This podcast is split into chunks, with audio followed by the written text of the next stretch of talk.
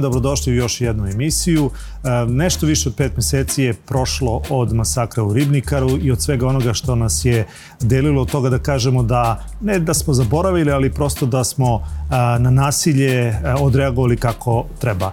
Nasilje je nešto što se neguje, ali se neguje, nažalost, to jest ne neguje se kultura sećenja na ono što je bilo decenijama, možda i stotinama godina unazad. Narodi koji to rade, oni znaju za svoju istoriju, oni cene svoju istoriju. Upravo zbog toga, e, moja današnja gošća je Marlena Weinberg-Pavlović, e, predsjednica Srpsko-jevrijskog pevačkog društva, pa ćemo pričati na tu temu. Dobar dan, dobrodošli. Dobar dan, hvala što ste nas pozvali, odnosno es... mene da predstavljam hore. E sad, ovako, e, kada kažemo Srpsko-jevrijsko pevačko društvo, onda je povod za ovaj razgovor nešto što, lepo što će se desiti na dan oslobođenja Beograda, ili dan kasnije, dakle... Nešto malo ranje, a nešto dva dana nešto kasnije. Nešto dva dana kasnije, znači oko tog 20. oktobra. E, Međunarodni dan sećanja na žrtve holokausta je 27. januar, to se u Srbiji praznuje kao Sveti Sava, pa je onda nezgodno to povezivati da. sa tim danom, pa ste vi odlučili da ovo bude ranije. Ali ajde da e, za početak objasnimo gledalcima, dakle, e, šta je to što vi predstavljate, to su, rekli ste mi u našem razgovoru pre ovog snimanja, da su to dve radionice, ali o čemu se radi? Pa zapravo to je jedan projekat koji je doživio refreshment e, ove godine. Uh, jedan broj određen e, edukativnih radionica koji smo zapravo realizirali već od 2011. do danas. Sad smo malo to koncentrisali zahvaljujući nedostatku sredstava. Tako da će biti dvije velike radionice umjesto nekoliko u određenim srednjim školama. Uh, kako bih rekla, e, trudimo se da kroz holokaust, koji je jedna izuzetno značajna tema i sigurno presedan u čovječanstvu, e, da ne samo podižemo svijest javnosti o holokaustu, nego da holokaust koristimo kao nešto na što se oslanja sadašnjost i budućnost. Ja mislim da nema većeg presedana i većeg primjera nasilja uh, Mislim, to je jako blaga riječ za holokaust.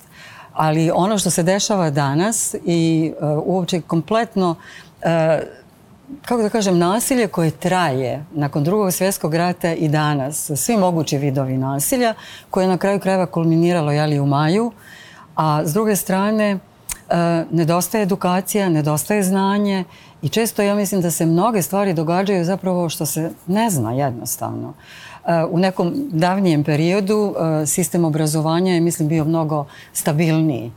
I ja sam učila o holokaustu. Kako vrijeme odmiče, kako, e, kako zaborav lako i brzo dolazi, a i edukacija i sistem obrazovanja postaje sve rastreseniji, tako se manje zna i tako se manje obraća pažnja. Uh, ono što smo radili svih ovih godina pokazalo je da smo apsolutno radili dobro i na pravi način, a to je sa tim edukativnim radionicama odlazili smo u srednje škole.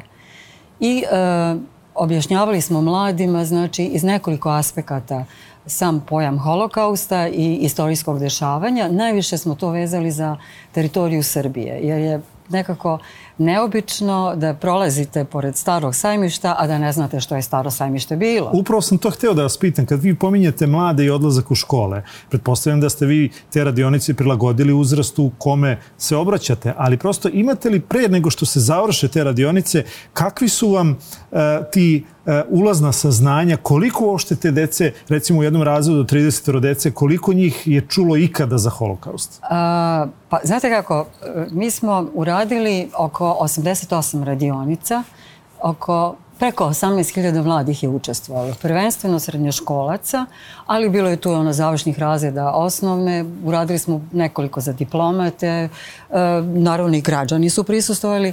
Pa e, velik broj učenika je bio. Naprimjer, ako smo u nekoj školi, tu je minimum 200 učenika, 150, 300, kako kada i vrlo su interesantni rezultati jer smo um, paralelno sa ovim uh, radionicama radili smo anonimnu anketu i prisutni, odnosno učenici, odgovarali su na pojedina pitanja. I ti rezultati su uh, prvo s jedne strane jako pozitivni jer u ocjeni same radionice mladi su davali najveću ocjenu. Znači uh, radionica je, anketa je anonimna, dobrovoljna, tako da je to vjerojatno iskreno. A jesu li radionice dobrovoljne? To jest, a, zašto vas to pitam? Zato što ako profesor istorije ili direktor škole natera nekoga da prisustuje tu, on će prisustovati. Dakle, da li je u, u tom smislu pa, to? Znate kako, ja mislim da je tu malo pomješano. Uh mhm. -huh. S obzirom da dolazimo u školu, onda je sigurno lakše njih okupiti i nisu baš u prilici da se puno pobune, da tako kažem. Ili da im se kaže ovo, ne, ovo će biti malo tipičan čas istorije? Ja uvijek zamolim u najavi e, nastavnike, direktora, kad zamolim da gostujemo, pošto moramo zamoliti, nije baš mhm. ni... E, ne mogu reći da su širom otvorena vrata. Znači, veći su e, problem direktori škola nego deca. Pa, e, ali s jedne strane ih i razumijem. Oni su toliko ljudi u poslu oko nekih drugih stvari. Ja sam nekad davno radila u školi. Mislim da danas ne bi. Oni više se bave nekim papirima, uh, onda stalno imaju ovo, imaju ono, idu vamo, idu tamo, vi ne možete da ubodete datum da uđete. E ono što je dobro, to je, uh, ja uvijek stvarno zamolim da se skrene pažnje koliko traje, jer traje drugo. Traje sati 30, sati i 40, ali s razlogom. Prvo, tu su četiri aspekta iz kojih uh, objašnjavamo holokaust, ali i predrasude. Znači, e, sam naziv projekta, e, da se nikad ne zaboravi holokaust, da se nikad ne ponovi, e, muzika piše sjećanja, u borbi protiv predrasuda, diskriminacije, rasizma, antisemitizma, to sve samo kaže o čemu zapravo govorimo. Mhm. Holokaust je polazište koji ima jedan veliki background, jednu pozadinu. Uh, u stoljećima unazad e, pozadina je i predrasuda. Predrasude postoje. Uh, one će postojati. Svi ih imamo. Ono što je ključno, da li smo ih svjesni, da li znamo šta je predrasuda i šta radimo s tim predrasudama, kako se s njima sami nosimo. Tako da uh, mislim da ono kako mladi tome priđu za, i kako bih rekla, kako ocjene, zato kažem, mislim da je iskreno, uh, Eh, vidimo da im je potrebno, da žele. 87% je napisalo da želi još ovakvih časova. To je znači dokaz da mladi koji trče samo po internetu i Google-u, ipak ako im to nekako prilagodite, učinite interesantnim, oni to žele. Eh, razlika različimo između, eh, između dječaka i djevojčica kod samocjenjivanja su sami sebe trebali ocijeniti koliko su znali prije časa, koliko su znali poslije časa. Momci navode veći procenat e, znanja, djevojke navode manje. Sad, da li su objektivni jedni, a ovi drugi manje objektivni ili možda momci znaju više, možda kroz vratnih filmove ili neke druge e, varijante uh, to, to ne možemo pouzdano da utvrdimo. Moram vas pitati, jer prosto eh, kad se pomene holokaust, eh, onda prva svakako asocijacija je jevrijski narod. Međutim, eh, jevreji su stradali i na području bivše Jugoslavije. Koliko naša naša populacija, kaže naša prevashodno mislim na većinsku populaciju, koliko zna e, o, o tome što kroz časove istorije, koliko iz opšteg obrazovanja. Da li sad ove nove tendencije, brzina, e, da li one oduzimaju to saznanje ili, ili je to ipak, ukoliko, na, kako vi kažete, na jedan prijemčiv način to donesete kao, kao temu, onda to i tekako bude primljeno kod, kod te dece i, i onda oni sa tim saznanjem nastavljaju dalje kroz, kroz svoje školovanje. A, naša studija je urađena do perioda 2019. Uh -huh. Zbog korone nismo čak stigli da je promovišemo. A, Prema toj studiji primječeno je da posljednjih godina, znači krenuli smo 2011. One posljednje, tako otprilike tri godine, postoji tendencija, um, ako bih mogla reći, većeg neznanja, ali istovremeno želje da se uči. Mm Znači, e, mladi navode u onim svojim ocjenama koliko znaju, pošto je pitanje jedno od pitanja, koliko ste znali o jevrejskoj zajednici holokaustu pre ovog časa, koliko znate poslije. Naprimjer, oko 76% ja mislim da se izjasnilo da je znalo malo ili nimalo.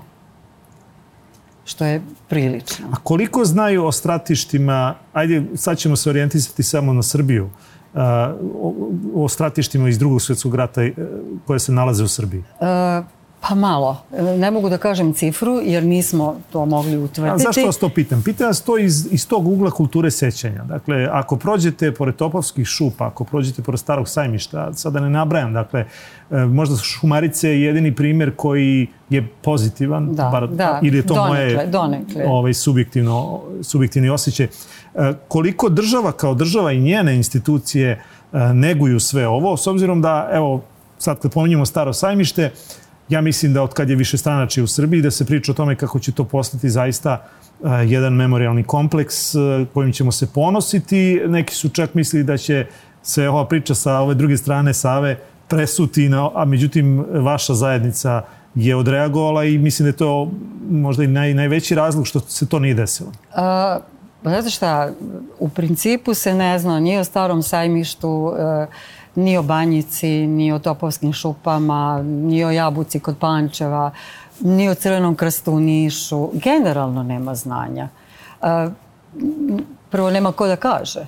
Znate, ako nama starijima nije važno da prenesemo to znanje, onda kako će oni da nauče? Ako u školi nemate jedan, barem nešto, uh, Eh, u nekom času istorije ili nekom drugom, jer nije neophodno samo da istoričar govori o tim činjenicama.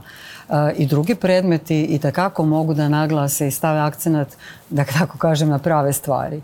Zato i profesor matematike može da se bavi holokaustom kroz jednačine, kroz matematički zadatak, eh, muzika također. Ja bi se sad vratila upravo na našu edukaciju. Mhm. Taj javni čas ili moderno radionica uh, uh, imao četiri segmenta. Jedan je uh, istorija, drugi je socijalna psihologija, treći je muzika, a četvrti je priča preživjelog. Kad sve to zajedno upakujete, vi dobijete jednu finu, široku sliku i e, istoričar govori sa svog aspekta, ima i svoju prezentaciju koja jako fino ilustruje te činjenice, fakte, proganjanja, ne znam, odlazak u smrt, često puta bude određena fotografija koja dotad nije viđena.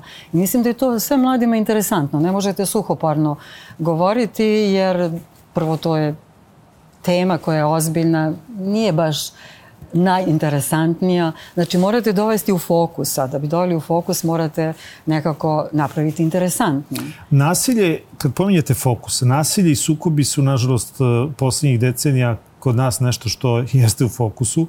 Um, koliko je problematično, da li je to hodanje po ivici noža, dakle, kada vi podsjećate na, na ratne sukobe, kada podsjećate na, na ta dešavanja koja su imala za rezultat milione stradalih, um, gde je tu granica da ne skliznete u ono drugo, a to je podrivanje ponovo tog e, negativnog, dakle, kako pravite tu granicu između nečega što je istorijska činjenica i nečega što bi se eventualno moglo zlopotrebiti u budućnosti? akcenat je na istini. Mm -hmm. Akcenat je na faktografskim i istorijskim činjenicama.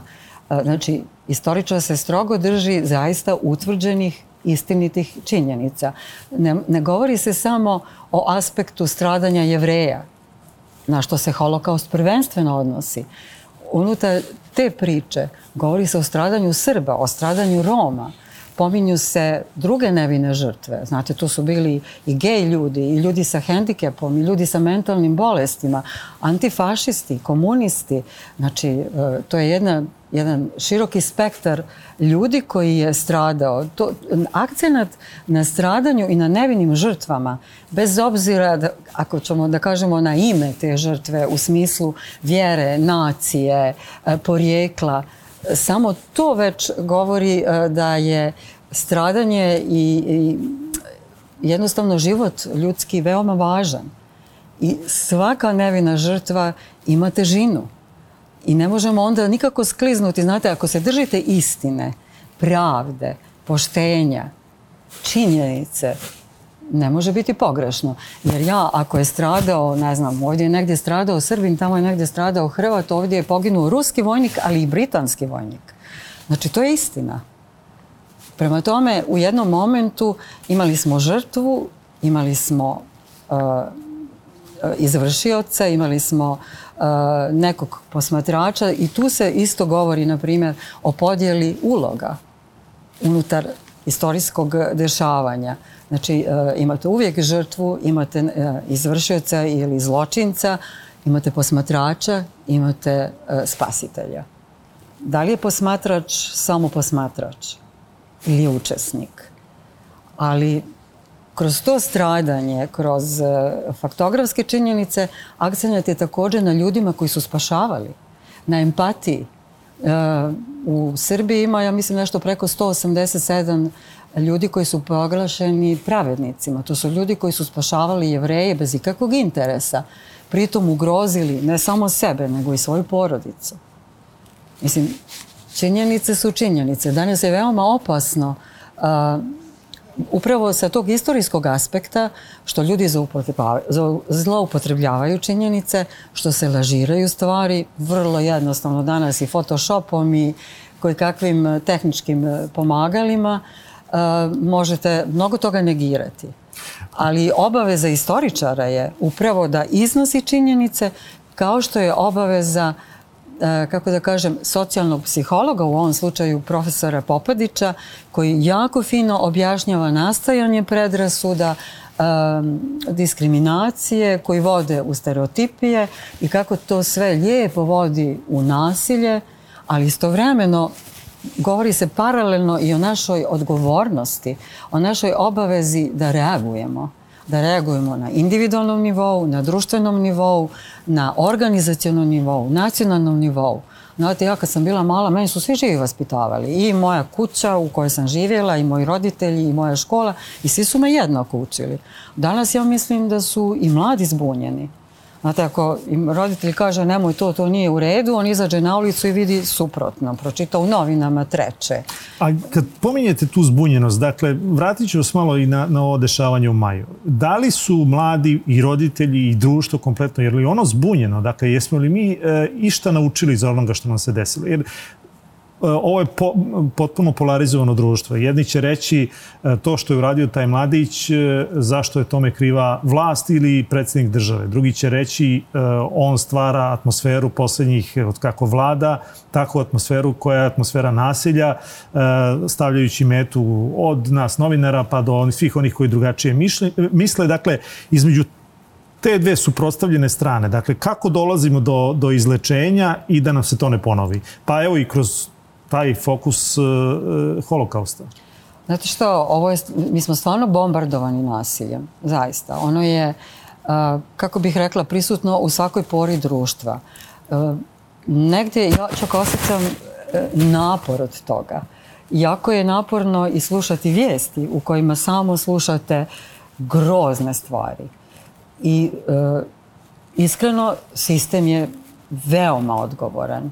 Naravno da je vlast odgovorna, ali u tom sistemu, u sistemu i u vlasti svako ima i svoj dio odgovornosti nas mm -hmm. i roditelji. Ja ne mogu da kažem da će bilo koji roditelj ili bilo koji nastavnik eh, ili na kraju kraja bilo koji normalan čovjek da kaže djetetu da je nasilje opravdano.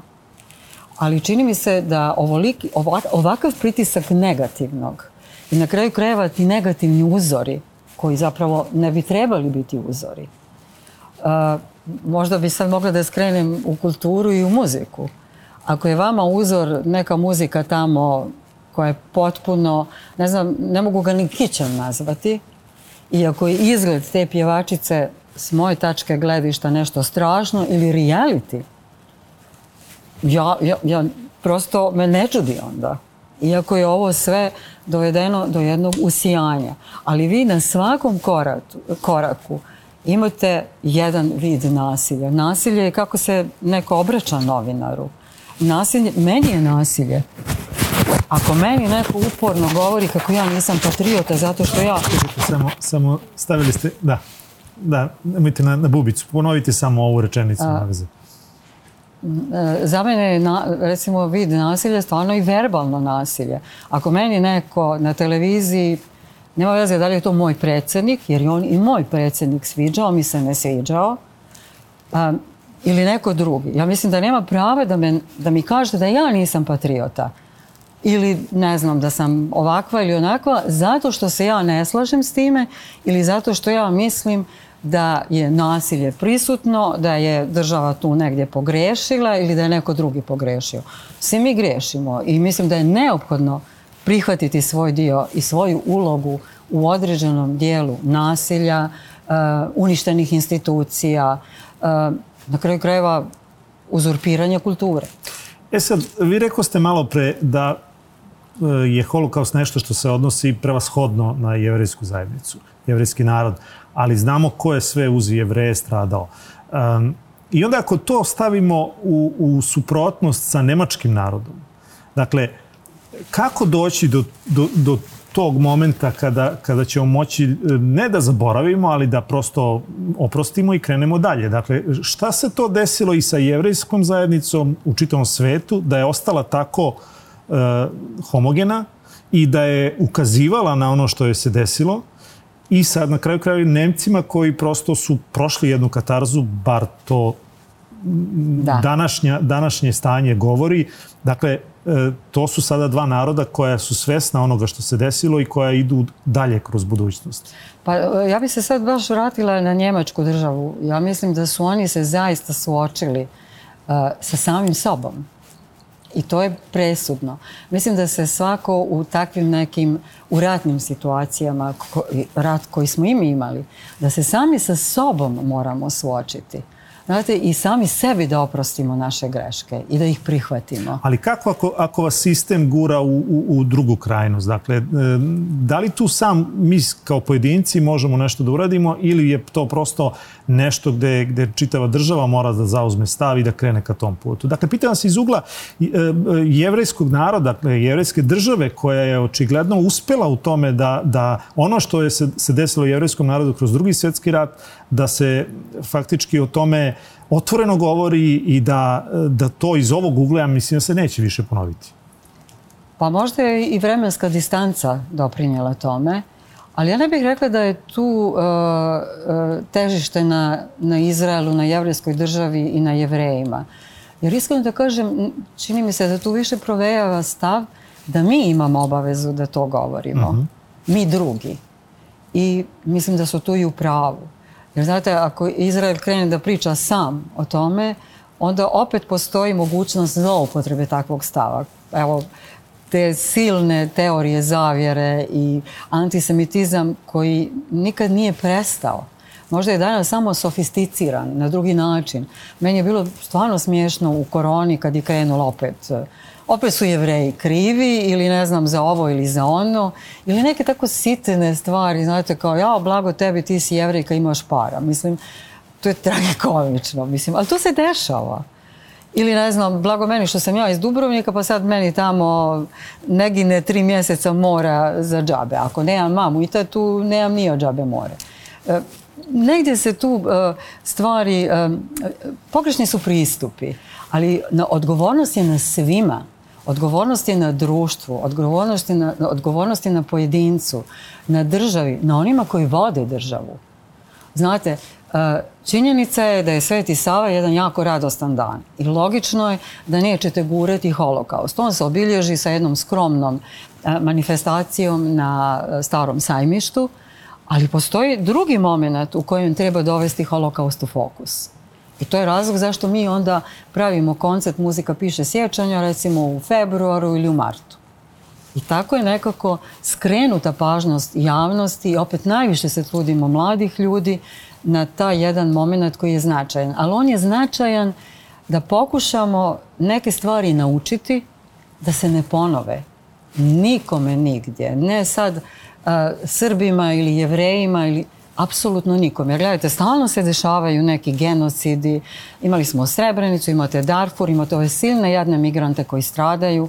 E, Sirija, Jermeni, non stop se nešto dešava. Izgleda da svijetu debelo nešto nedostaje. Jer mi od, od, ne od drugog svjetskog rata, nego i od prvog i onih ranijih, nikako ne učimo lekciju.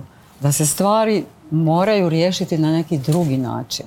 Na kraju krajeva bilo koji rat, čak i ovaj nesretni rat sa Ukrajinom, kako će se završiti za stolom? E, pomenuli ste malo pre ko vas je sve vaspitavao, pa ste pomenuli porodicu. Nije li možda porodica ključ e, svega ovoga? I da li je ona razorena? Dakle, da li je to ta ćelija koja, koja ne dozvoljava da mi idemo napred? Ja lično mislim da jeste. To je moj privatni stav. E, ove današnje porodice ne liče na one nekad.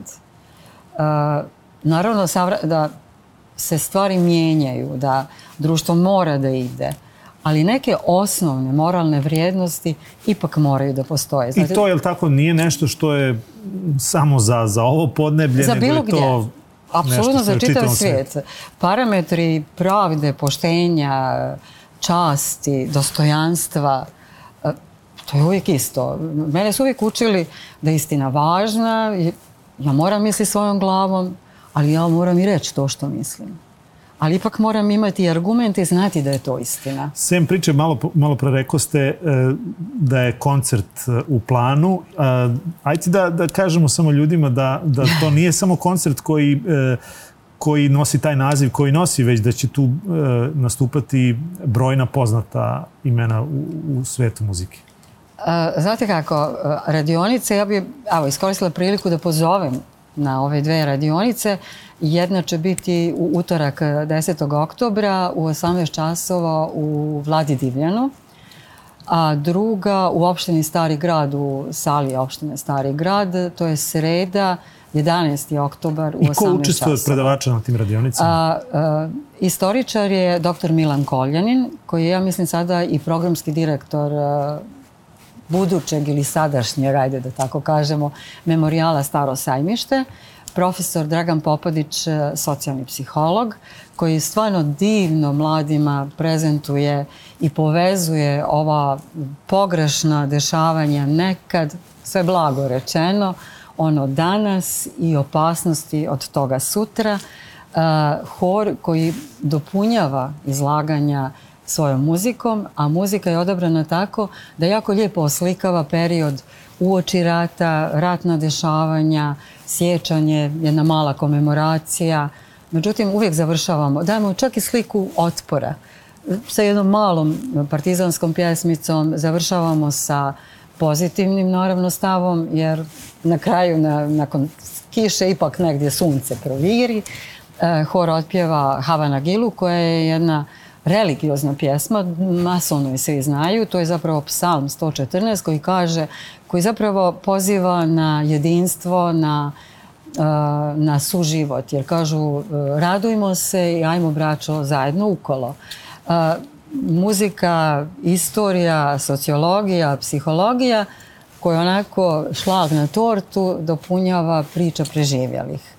I to mislim da je možda naš najvažniji trenutak eh, te radionice, s obzirom da preživjelih ima zaista jako malo u čitavom svijetu i da su oni tako dragocijeni, pogotovo što u tim poznim godinama imaju snage i volje da pričaju to da govore i da čeprkaju, znate, po bolnim uspomenama. I ko se može učestvovati u tim radionicama i, i naravno koncert, je li tako, koliko ljudi a, može da dođe? A koncert je također u kontekstu svega ovoga, samo ovdje govorimo s ovog aspekta istorije, sociologije i tako dalje, a koncert priča cijelu priču isključivo muzikom. Mm -hmm. Isto tako idemo od tog perioda prije rata, uh, prolazimo kroz ratni period, oslikavamo stradanje, egzekuciju, e, destrukciju, e, onda idemo na sjećanje, na komemoraciju i završavamo tako porukom mira, porukom ljubavi, porukom nade da će jednog dana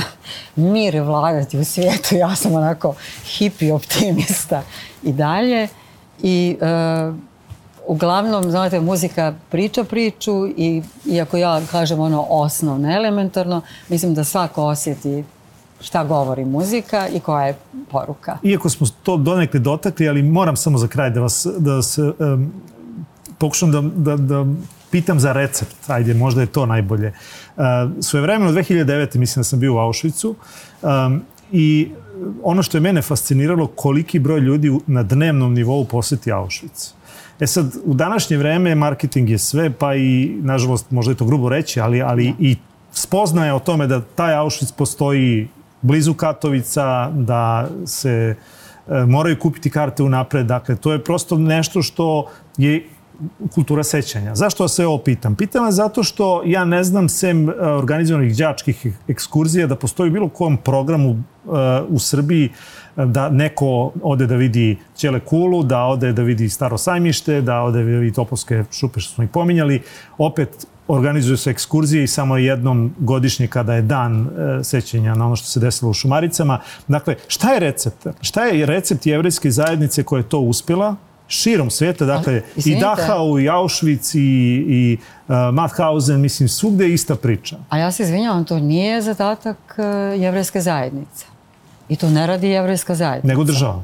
To rade države. Mm -hmm. To rade sistemi. To, to rade prosto određeni e, memoriali. Dobro, a šta Ali je onda njihov je recept? Eto, to vas pitam. Pa ja ne znam, nema tu neke velike pameti. To je ono što trebamo svi raditi. To je naša lična odgovornost. Odgovornost države, odgovornost e, ministarstva prosvjete, odgovornost nastavnika, odgovornost roditelja, vas medija, izvinite. Eh, ja stvarno moram da vučem za rukav da se nešto najavi. A sigurna sam da bi i mediji trebali nekada nešto da nauče. Sigurna sam da kad se e, dobro isprati upravo ovo što vi kažete, ako je propaganda prisutna u pozitivnom smislu, to mora imati dobrog efekta. To mora onda uticati i na smanjivanje nasilja. Svi imamo isti zadatak uh, ja kao individua, bila sam možda i tvrdoglava, nisam više ni uporna. Uh, I meni dođe preko glave, jer vi se stalno sa zidom sudarate. Ja idem u ministarstvo prosvjete ljuta i bijesna, jer mi dobijemo 140.000 za pet koncerata i četiri dinara, radionice. Da, zna, da, da dinara, ljudi ne pomisle dinara, da su evri. Da, da, znate, i onda je to nekako, Ali to je edukacija mladih. Čekajte, onda me to navodi, evo ja ću sam zaključiti, vi kažete niste upravili ili donekle ste upravili i tako dalje, da je jevreska zajednica bogata zajednica i dalje. Mislim, kad kažem bogata, ne mislim samo na ovu kulturu sećanja na sve ono što, što radi kao je, širom sveta, već na prosto da je taj novac ostao u jevrejskoj zajednici. Da li je to onda ključ zašto Srbi to recimo ne, ne, ne, ne obraćaju toliko pažnje na, na, na svoju istoriju i na, na svoje stradanje?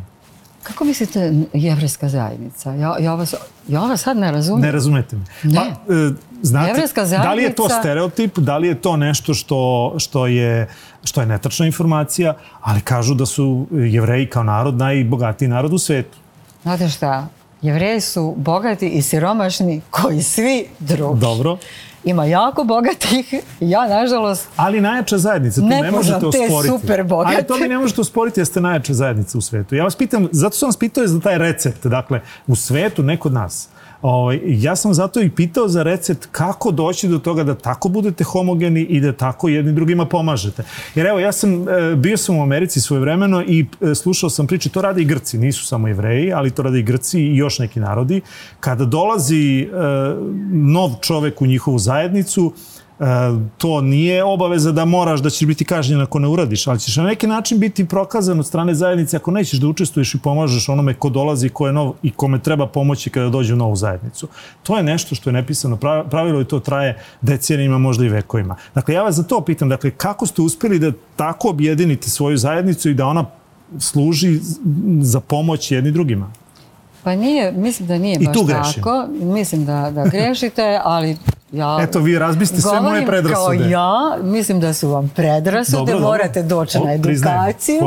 Ovaj, ali ja zapravo ne predstavljam jevrijsku zajednicu. Ovaj projekat nema ništa sa jevrijskom zajednicom. Ovo je potpuno nezavistan projekat gdje bi ja morala da se zahvalim prije svega Njemačkoj ambasadi koja je godinama zaista jako puno podržavala. Uh, E, činjenica je Ministarstvo kulture i Ministarstvo prosvete, ali znate ono, stvarno sa mrvicama, e, poneka kompanija povremeno, e, moja tvrdoglavost, Jevrijski holandski fond. A dobro ste to primetili, da, dakle, Nemačka zajednica, to jest Nemačka ambasada, najviše pomaže. Što nam, što nam, dakle, e, dovodi do zaključka sve ove naše priče, dakle, koliko je to koliko je to bilo? E, naravno, bilo je tu učestvovao i OEB. Znate, kako koje godine, kako ko, e, ima sredstva, ali moram priznati, daleko je lakše komunicirati po pitanju holokausta, edukacije, uh, razvijanja kulture, kulture srećanja sa bilo kojim, ajde da kažem, nekim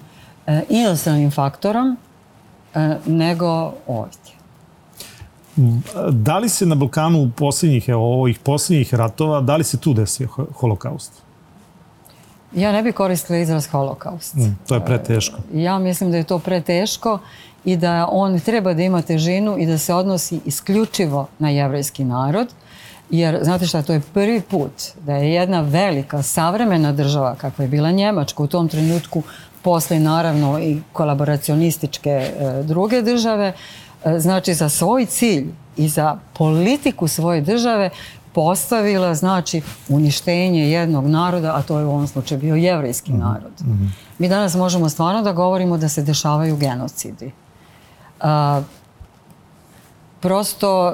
E, ratovi koji imaju nekakav, e, u svakom slučaju, cilj uništenje određene grupe. Znači, a, e, he, onda vas moram sad odnosno možda predaleko, možda bi trebala još jedna emisija za ovo, ali da li onda možemo vući paralelu između Jasenovca i, i holokausta? Jasenovac je dio holokausta. U Jasenovcu stra, su stradili... Uh, e, znate šta? Mi, si mi rekao ste da je holokaust vezan a, za jevrijsku zajednicu, a, sam Jasenovac je onda holokaust. vezan za srpsku. Izraz holokaust treba zaista da označi šest, preko šest i po miliona jevreja. Mm -hmm. Znate, stradale su stotine hiljade Srba. E, stradao je ogroman broj Roma. Stradali su, e, ne znam, ja sam slučajno zapamtila cifru od 1300 katoličkih svečenika. E, ogroman broj hendikepiranih ljudi, kao što sam pomenula, gej ljudi. Znači, ali ne možete reći da je to holokaust. Mm -hmm ali šest i po, preko šest i po miliona jevreja, od čega preko milijun i po djece. Shvatite, ja ne mogu da prihvatim da je ovo, ovoliko djece stradalo u, u maju. To je strašno. To su životi prekinuti u prvom koraku. E, uništeni snov. Ja, ja ne mogu da zamislim, e, a zamislite preko milijun i po djece. To, to, su, to je nezamislivo, ali to je presedan. Svako stradanje je strašno. Zato mislim da holokaust zaista treba da ostane pojam stradanja, uništenja, egzodus, zovite kako hoćete, uh, jevreja. Ali, znači, paralelno ide uništenje i stradanje i Srba i Roma. Mislim, što je bio ja, Jasenovac, to je... Tu su stradali svi, i komunisti, i uh, antifašisti i jevreji i romi, e, cijela srpska sela su odvedena. Ja sam imala sreću da sam to učila u školi. I volim što sam to učila. Ja sam kao mala u osmom osnovu išla na ekskurziju i tada sam shvatila i govorila sebi da ja nikad neću nikog mrziti. I stvarno ne znam šta znači mrziti.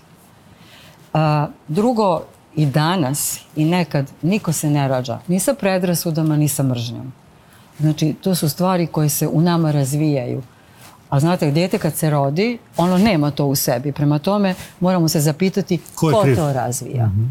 Da li razvija roditelj, da li razvija porodica, da li ga uči ulica, da li ga uči škola, da li ga uči sistem. A sve to zajedno zapravo, sve povezano. Marlena, samo kažete još jednom, dakle, kad je... Kad je... A, koncert e, prvi će biti 22. oktobra u Vladi Divljanu u 20 časa.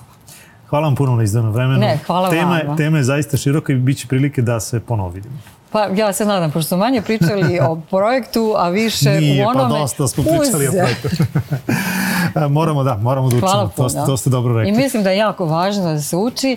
Evo ja molim i medije, i roditelje, i djecu, i naravno vlast, i pogotovo vlast. Mi smo sad pozvali sve parlamentalne grupe. Uh, Mene jako intrigira ko će doći. Ajde, možda zajedno da vidimo ko će tamo biti. Ja vi ću. Hvala još jednom. E, Marlena Weinberg-Pavlović bila moja današnja gošća, predsjednica Srpsko-jevreskog e, pevačkog društva ili jevresko-srpskog, e, ispravit će me Marlena, nebitno Srpsko-jevreskog.